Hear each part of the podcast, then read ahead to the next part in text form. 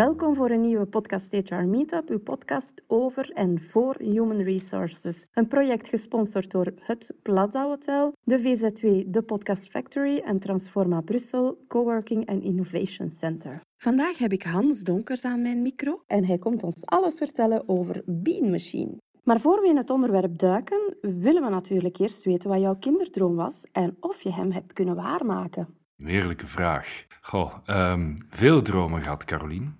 Zijn ze uitgekomen? Ik, ik vermoed van wel eigenlijk. Um, veel dromen, als ik zo terugblik doorheen kinder- en jeugdtijd. Ik heb een tijdje pastoor willen worden. Ik heb uh, leerkracht Frans willen worden. Ik heb toelatingsexamen gedaan in de kunstenmajora om dan acteur te worden.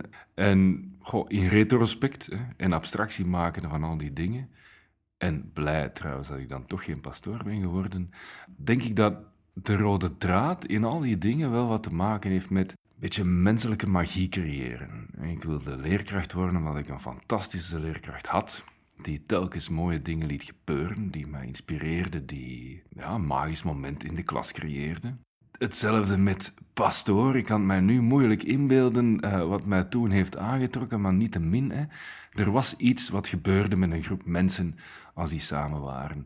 Hetzelfde met acteurs. Dus ik denk, wat ik vandaag doe, heeft heel veel te maken met magie laten ontstaan tussen mensen. En daarin zelf een beetje de, de katalysator zijn. Degene die ja, mee mogelijk maakt dat het gebeurt, maar zelf niet de bron is van de magie. Ja. En wat heb je dan gestudeerd? Aha, dat is dan nog iets helemaal anders. En dat heeft dan te maken met de, met de zoeker in mij. Ehm, ik heb uh, filosofie gestudeerd. Na eerst sociaal werk heb ik gestudeerd. Dus uh, sociaal assistent was, hij had dan wel met menselijke magie te maken bij filosofie. Ja, bon, wordt de mens gewoon een heel abstract idee, maar dat wel ook wat te maken met hoe, hoe zit de samenleving in elkaar. Dus ik heb mij in mijn, in mijn studies en nadien in mijn onderzoek ook wel bezig gehouden met ja, wat verbindt mensen, wat drijft mensen uit elkaar, dat soort zaken. Dus ja, ook daar met wat goede wil kunnen we zeggen dat de rode draad daar wel, wel werd doorgetrokken. Ja. Heb je dan in die sector gewerkt of ben je in een andere richting gegaan? Ik ben na mijn studies aan de NIF blijven plakken, zoals dat dan heet. En ik heb uh, onderzoek gedaan uh, gedurende vier jaar in toegepaste ethiek.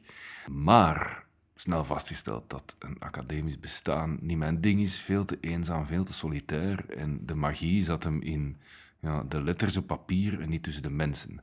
Dus ik ben daar eigenlijk heel snel les beginnen geven, studenten beginnen begeleiden, zelf conferenties beginnen organiseren. En eigenlijk heb ik op die manier ontdekt van, hé, hey, als filosoof ja, kan ik dat misschien ook doen. Maar dat hoeft niet aan de universiteit te zijn. Dus van uh, filosofie, van... Uh, het leven als academicus overgestapt naar de wereld van HR. Ah, oké. Ja, daar zijn we aanbeland. Nu spreek je over HR. Maar wat, wat doe je vandaag? Ben je bezig met projecten of heb je een eigen bedrijf? Vertel er ons meer over. Ja, wel, een dikke twee jaar geleden heb ik eigenlijk met twee soulmates, partners in crimes, een uh, bedrijf opgericht. Een uh, coöperatieve noodschap. Bean Machine hebben we dat kind gedoopt. En ja, voilà, na een dikke twee jaar zijn we met uh, eh, 16 mensen, zijn we van drie oprichters en dus vernoten naar zes mede-eigenaars gegaan. En uh, dus ook binnen Bean Machine proberen we wat uh, magie te creëren tussen mensen, samen bouwen aan iets. Maar wat is Bean Machine? Wat is Bean Machine, Caroline? Bean Machine zou van alles kunnen zijn. Hè. We hebben bij de naamkeuze ook al gezegd van, goh, misschien kunnen we ooit koffiebrander worden, of misschien wel een een rockband, hè, zou ook, dan zou Bean Machine ook nog klinken. Wat Bean Machine vandaag is, is een, ja, laat ik het woord dan toch maar gebruiken, consultancybureau mm rond organisatie, design en organisatieontwikkeling. Wij hebben als kernwoorden bij Bean Machine gekozen voor Connected, Aligned, Responsive. En dan zeggen we altijd, dat is wat we doen, waarom dat we het doen en hoe dat we het doen. En dat wil in een paar woorden gewoon zeggen, wij zorgen ermee voor dat in een bedrijf mensen meer met elkaar geconnecteerd zijn, dat ze beter gealigneerd zijn, meer met z'n allen achter een gedeeld doel, een gedeelde strategie staan. En dat is dan aligned. En tenslotte responsive. Wij houden er nogal van om um, ja, mentale spieren te kweken, om bedrijven beter in staat te stellen om sneller, slimmer, doordachter om te gaan met alles wat er zich voordoet. In plaats van reactief en vanuit een oh shit reactie de dingen snel te gaan willen veranderen. Change management, snelle transformatie, reorganisatie. Willen we eigenlijk mee bouwen aan een organisatie die ja, door niks uit het lood geslagen wordt en uh, opportuniteiten ziet en daar proactief op inspeelt. Proactiviteit is het eerste woord dat in me opkomt en dat ga ik dan ook onthouden. Exact. Uit welke nood is Bean Machine ontstaan en wat maakt dat jullie dit opgestart hebben? Ik denk, goesting was nog de grootste drijfveer. Gewoon goesting om met die mensen samen iets te doen. Maar wat dan te doen had inderdaad te maken met wel een vaststelling. We kwamen allemaal uit, zeg maar, de people business of HR. En uh, ja, liep het telkens vast op het gegeven van HR heeft eigenlijk weinig antwoorden klaar voor de grote business-uitdagingen. Uh, binnen HR blijven we, blijven we wat vastzitten binnen de gekende processen, de gekende kaders. Goed, we hadden allemaal al uh, behoorlijk wat kilometers op de teller als het ging over HR, of over training, of over facilitatie en coaching. Maar we stellen eigenlijk vast dat bij veel klanten, bij veel bedrijven of organisaties die we kennen, dat er daar zich nieuwe uitdagingen aandienden. Klassieke HR had niet echt een antwoord klaar op de vraag: tja, de wereld verandert, uh, wij passen onze strategie aan, we gaan onszelf van moeten eruit vinden. Slimme business consultants hadden daar al wel bij geholpen om die richting te bepalen, om die lijn uit te zetten. Maar dan de vraag van, verdorie, hoe gaan we nu die organisatie mee laten evolueren?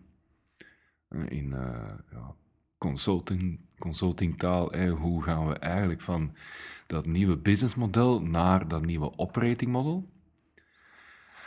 Ja, dat is een heel ander vraagstuk. En vooral, we kunnen dat, uh, dat nieuwe model wel op papier zetten, maar hoe gaan we echt wel de cultuur mee laten evolueren? Hoe gaan we mensen daarvoor warm maken? Hoe gaan we die laten functioneren daarbinnen? En dan stoot je ook op de vraag van hey, die structuren, hè, klassieke kaders die we gebruiken om een organisatie vorm te geven, om mensen hun werk te laten doen, om taken te verdelen en te coördineren, is dat ook nog wel geschikt? En dus ja, stelden wij vast dat er in de markt wel een vraag was. Eén, hè, dus bedrijven stoten daarop. En twee, dat er eigenlijk niet zoveel consultants op dat vlak bezig zijn en dat organisaties zelf daarin ook niet altijd de expertise hebben.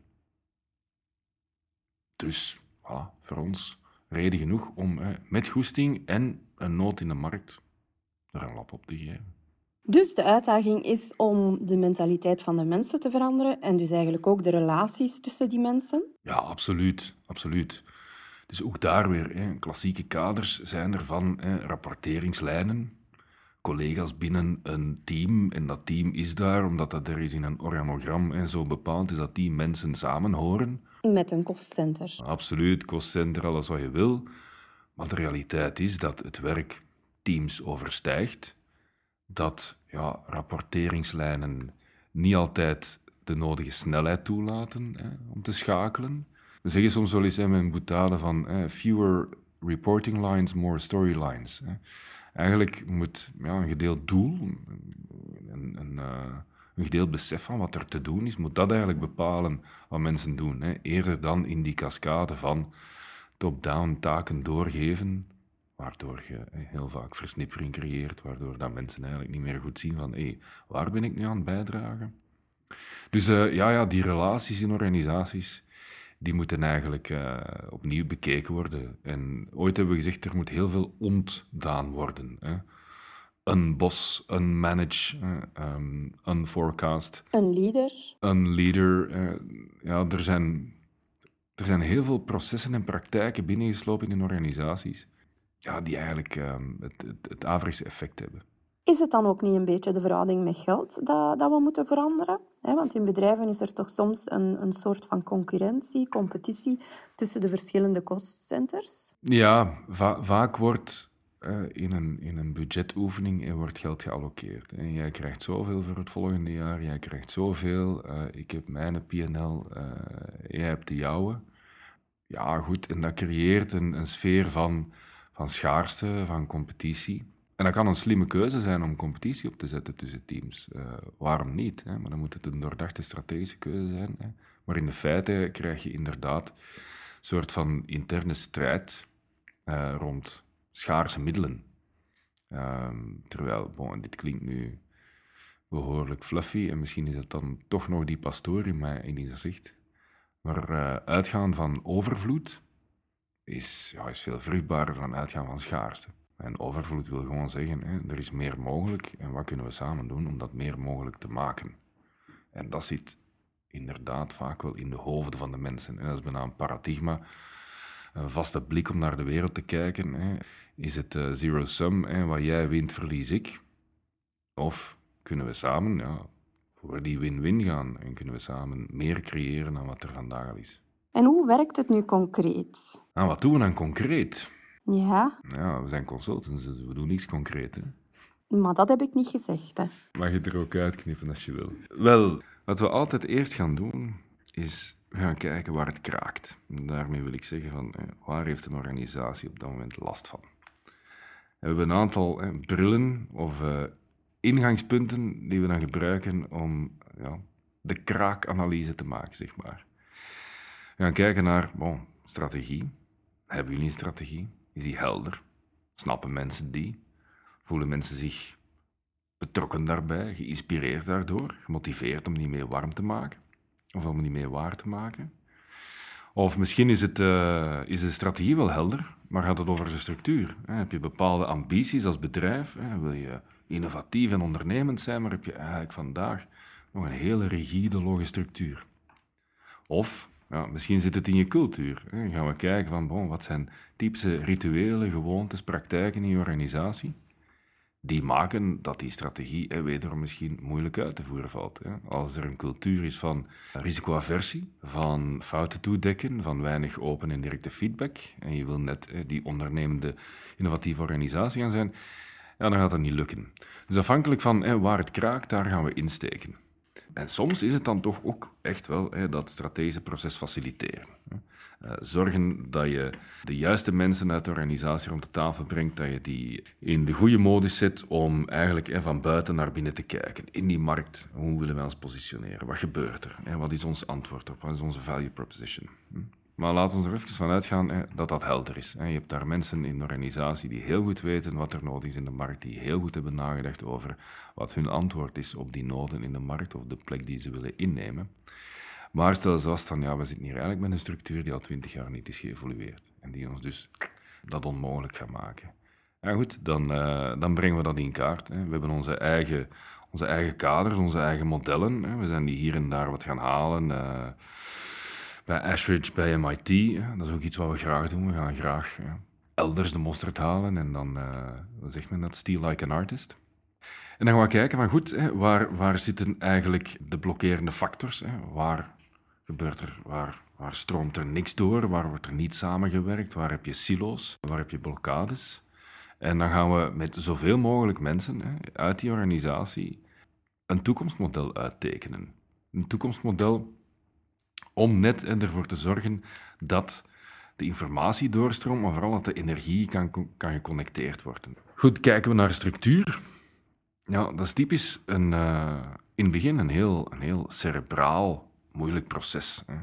Mensen denken dat ze dan direct uh, rapporteringslijnen en uh, vakjes moeten gaan tekenen, maar eigenlijk bestaat de oefening vooral eruit om na te denken van hé, maar wat soort dynamiek hebben wij nodig? Hè? Hoe willen wij dat mensen samenwerken? Waar liggen beslissingen? De governance van uw structuur. Gaat alles helemaal naar boven en worden eh, de conflicten of de knopen doorgehakt helemaal bovenaan bij jouw CEO? Of kan je een organisatiestructuur creëren waarbij je eigenlijk de beslissingen naar beneden duwt en degene die het werk doet en die de expertise heeft, laten beslissen? Dus dat zijn keuzes die je samen gaat maken op basis van die strategie. En niks is daar normatief. Ik denk dat er vandaag zeker organisaties zijn waar het perfect nog... Uh, valabel is om te zeggen van kijk, nee, we hebben een iets wat hiërarchische structuur, want zo werkt dat nu eenmaal bij ons. Uh, en dat zal ons helpen om die strategie waar te maken. Maar goed, het tekenen is één ding, hè. mensen zo laten functioneren is een ander ding. En dan komen we heel snel uit bij cultuur, bij praktijken. En je kan wel zeggen, we tekenen een organisatie waarbij kleine, dynamische, zelfsturende teams aan het roer staan. Maar als de mensen in die teams hè, niet de gewoonten hebben ontwikkeld om initiatief te nemen, eigenaarschap te voelen, elkaar feedback te geven, ja, dan, uh, dan bestaat je structuur alleen op papier en volgt de cultuur niet. En dan gaan we daar aan de slag. Dus ja, afhankelijk van waar het het meeste kraakt, steken we in. Maar de vaststelling is wel altijd wat we ook doen. Structuur en cultuur en strategie zijn eigenlijk de drie bouwblokken die we meepakken. En tussen die drie bouwblokken zitten natuurlijk een hoop mensen. En uh, ja, ik denk dat we daar door de jaren heen wel wat expertise hebben uh, opgebouwd om uh, ja, in, het, in het werken met en het mobiliseren van die mensen, het ontwikkelen van mensen. Want het zijn uiteindelijk zij die in een structuur moeten functioneren. Dus het essentiële is de interne communicatie, of zie ik het verkeerd? Nee, nee, nee, nee. Ik, denk, ik denk dat dat klopt. Communicatie, als het uh, meer richtingsverkeer betekent. Hè. Niet communicatie in de zin van iemand heeft een goede boodschap bedacht en gaat die in een eenrichtingsverkeer doorsturen. Het gaat effectief over de dialoog, de conversatie. En ja, dan kom ik terug bij het punt van daar straks, de magie tussen mensen. Hè. Wat als ze geconnecteerd zijn? Wat als ze dingen delen? Wat als ze zaken uitspreken? Dan kan er iets gebeuren. Zeg, en wat met de concurrenten? Want er zijn, er zijn nog andere bedrijven die ongeveer hetzelfde aanbieden. Mhm. Maar waar maken jullie nu, nu net het verschil? Ik denk dat die onderscheidende kracht zit op twee elementen. Eén, de mensen die het doen. En twee, uh, onze methodes. Wat dat eerste betreft, ja, we hebben bij Beat Machine alleen maar mensen met serieus wat ervaring. Ik zelf ben uh, de op één na jongste. En dus als oprichter, ja, al de rest die er is bijgekomen is, is ouder. Dus mensen met behoorlijk wat kilometers op de teller, zeg maar. Maar die ook wel iets, ja, zoals men in het, in het Vlaams zegt, hè, mensen met een hoek af. We hebben dat zelf intern Gabba Gabba Hey genoemd. En dat verwijst eigenlijk naar een nummer van Ramones. Een kreet in een, uh, in een nummer, Pinhead, om precies te zijn. En dat heeft wat te maken met, bon, no nonsense, laten we de mouwen opstropen, hè, laten we niet al te formalistisch gaan doen, laten we niet ja, het pak aantrekken hè, en ons belangrijk voelen, maar laten we gewoon vooral doen. En we gaan daar niet te veel meegaan in een politiek spel of in een spel van status en macht. Dus dat is iets, ja, dat is een, een stijl die we meebrengen. Dat is niet voor elke klant even makkelijk. Maar ik merk ook wel dat sommige klanten die dat niet makkelijk vinden, dat ze er wel naar vragen. Omdat ze voelen van, ja, dat brengt hier iets anders. Hè. Jullie durven dingen benoemen. Jullie durven een kat een kat noemen. Jullie durven de knuppel in het hoenderok gooien. Hè. Uh, jullie durven met een exco ook wel de open dialoog aan gaan. Hè, en hebben niet de neiging om uh, dat exco alleen maar naar de mond te praten. En dat heel belangrijk is bij ons. Daarnaast de methode proberen daarin heel uh, solide te zijn, zoals dat we zeggen. We reizen behoorlijk wat rond naar interessante plekken. Ik heb daar net verwezen naar uh, MIT, naar Ashridge. binnen een maand of twee gaan we nog eens naar Harvard. En dat doen we om echt solide kennis te gaan halen en solide methodes. We houden er niet van om een boekje te lezen en vervolgens uh, het zo met de natte vinger te gaan toepassen. Dus we willen daar echt wel stevige kaders in hebben die voldoende evidence-based zijn, die voldoende soliditeit in zich hebben, zodanig dat mensen daarop kunnen bouwen. Waar we niet van houden is ja, het natte vingerwerk. En waar we ook niet van houden is, want het gaat hier over organisatiedesign, waar we niet van houden is een stuk het normatieve discours dat daar rondgevoerd wordt. Iedereen moet toch uh, zelfsturend zijn. Of holacratie is wat iedereen moet doen. Of de innovatieve arbeidsorganisatie het, is het enige juiste antwoord. Nee, ja, we hebben goede kaders nodig om een goede analyse te maken, om goede zaken te fileren. En dan zullen we bepalen, enfin, niet wij, hè, dan zal de organisatie in staat zijn om te bepalen wat ze willen. Maar niet surfend op een hype of op een mode. Hè. Dat is niet duurzaam. Wanneer zijn jullie eigenlijk gestart met Bean Machine? Aha, we zijn eigenlijk ergens begin november, was het, een, uh, was het twee jaar geleden, dat we ja, ons kind boven de doopvond hebben gehouden en dat we naar buiten zijn gekomen met de aanschaf, by the way, van een, uh, een oude caravan, een uh, kleine Eribapan, waarmee we op de VOV-beurs zijn gaan staan en te kennen gegeven van hé, hey, hier zijn we en dit is trouwens ons rijdend kantoor. Nog een jong bedrijf dus. Ja, ja, ja, heel jong, heel jong. Ja. En waar zijn jullie actief? Want ik heb, ik heb gemerkt dat je perfect tweetalig bent, dus ik vermoed dat je ook wel ja, zowel in het noorden als in het zuiden kan, uh, kan werken? Ja, ja, ja, absoluut, absoluut. En we hebben zowel in het noorden als in het zuiden hele fijne klanten. Klanten van verschillende groottes, verschillende sectoren. Carmeuze in het zuiden, uh, Barco in het noorden, hè, om zo wat bekende namen te noemen. Daarnaast, ja, goed, banken, uh, retailers. We zijn ook wel sinds, uh, sinds een goed jaar actief, een beetje in de Gentse scale-up omgeving. Ook heel fijn, logistiek, automotive. Ja. Een beetje van alles. Een beetje van alles. Tot, tot en met, ja, dus hè, dat zijn dan de, de for-profit uh, organisaties, zeg maar. Daarnaast uh, zitten we ook in de stukje in de overheid.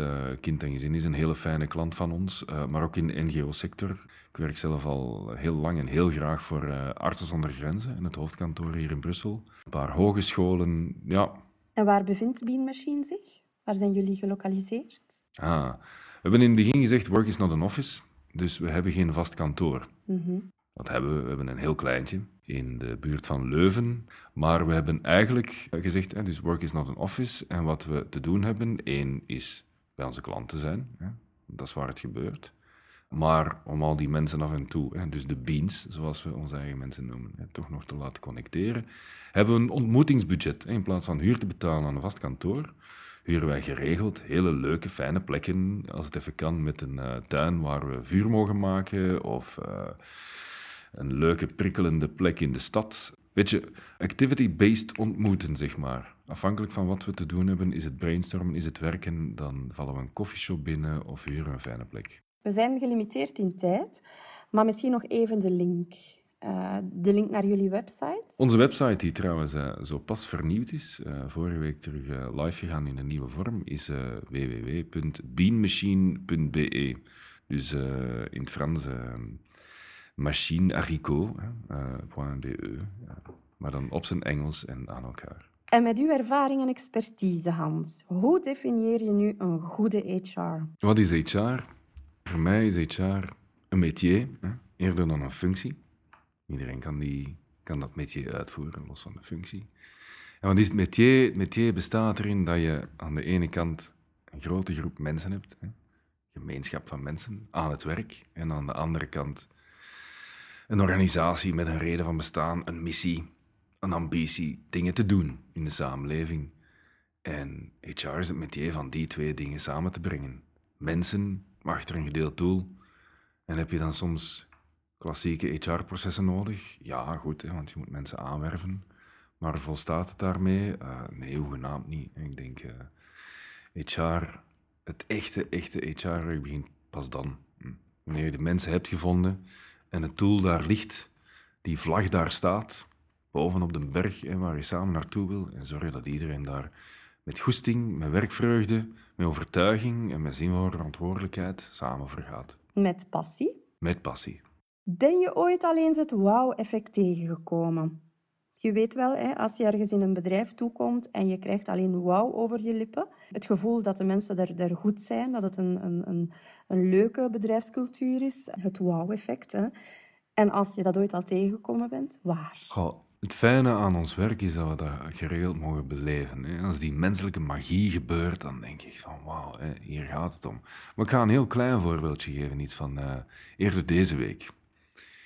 Ik kwam bij een nieuwe klant en we zeggen soms van um, the smell of the place zegt jou iets over wie de organisatie is. En dat begint bij hoe je binnenkomt, hoe je verwelkomd wordt. En deze keer, ja, ik uh, had wel wat hindernissen moeten overwinnen hè, om de deur te vinden uh, waar ik moest binnengaan. Maar eens ik binnenkwam, ja, voelde ik gewoon een hele fijne atmosfeer. De mevrouw die de ontvangst deed, begon spontaan een praatje te maken. En ja, haar, haar houding, haar tone of voice, zat helemaal juist. Dat voelde warm aan, dat voelde vriendelijk aan. Er passeerde niemand anders en die zei ook vriendelijk goeiedag. Ik werd niet met veel uh, egaars behandeld en dat was fijn. Hè? Dus het was eigenlijk van mens tot mens. Ik voelde dat meteen. Hè? Ik ben daar heel gevoelig voor als ik ergens de eerste keer kom. En het bijzondere was dat, dat ik eigenlijk een, een, vergadering had met onder andere ook de verantwoordelijke voor uh, marketing. En die toonde mij op een bepaald moment de brand identity van de organisatie.